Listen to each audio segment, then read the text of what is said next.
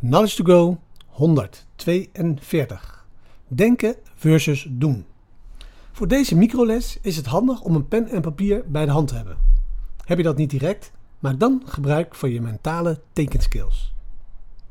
Ben je er klaar voor? Trek een horizontale lijn en zet boven die lijn denkruimte. Zet onder de lijn werkruimte. Kijk nu naar je tekening. Weet je waar de denkruimte goed voor is? Helemaal niks. Er gebeurt niets in de denkruimte. het is natuurlijk vanzelfsprekend dat een stapje terug doen en over de dingen nadenken een essentiële vaardigheid is.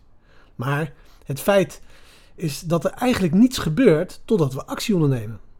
De tools gebruiken en in ons leven eraan gaan werken. En zoals we vele malen al hebben besproken, denken de meesten van ons eigenlijk helemaal niet. We herkauwen dezelfde gedachten.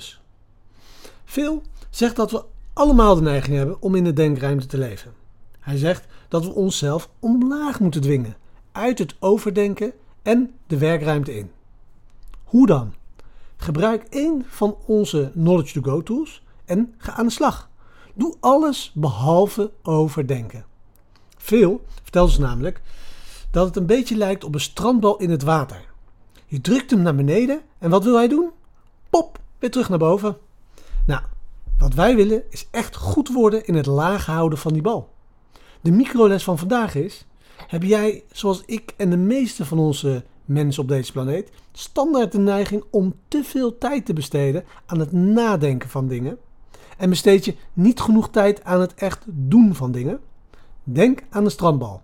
Duw het elke keer dat het weer omhoog komt naar beneden.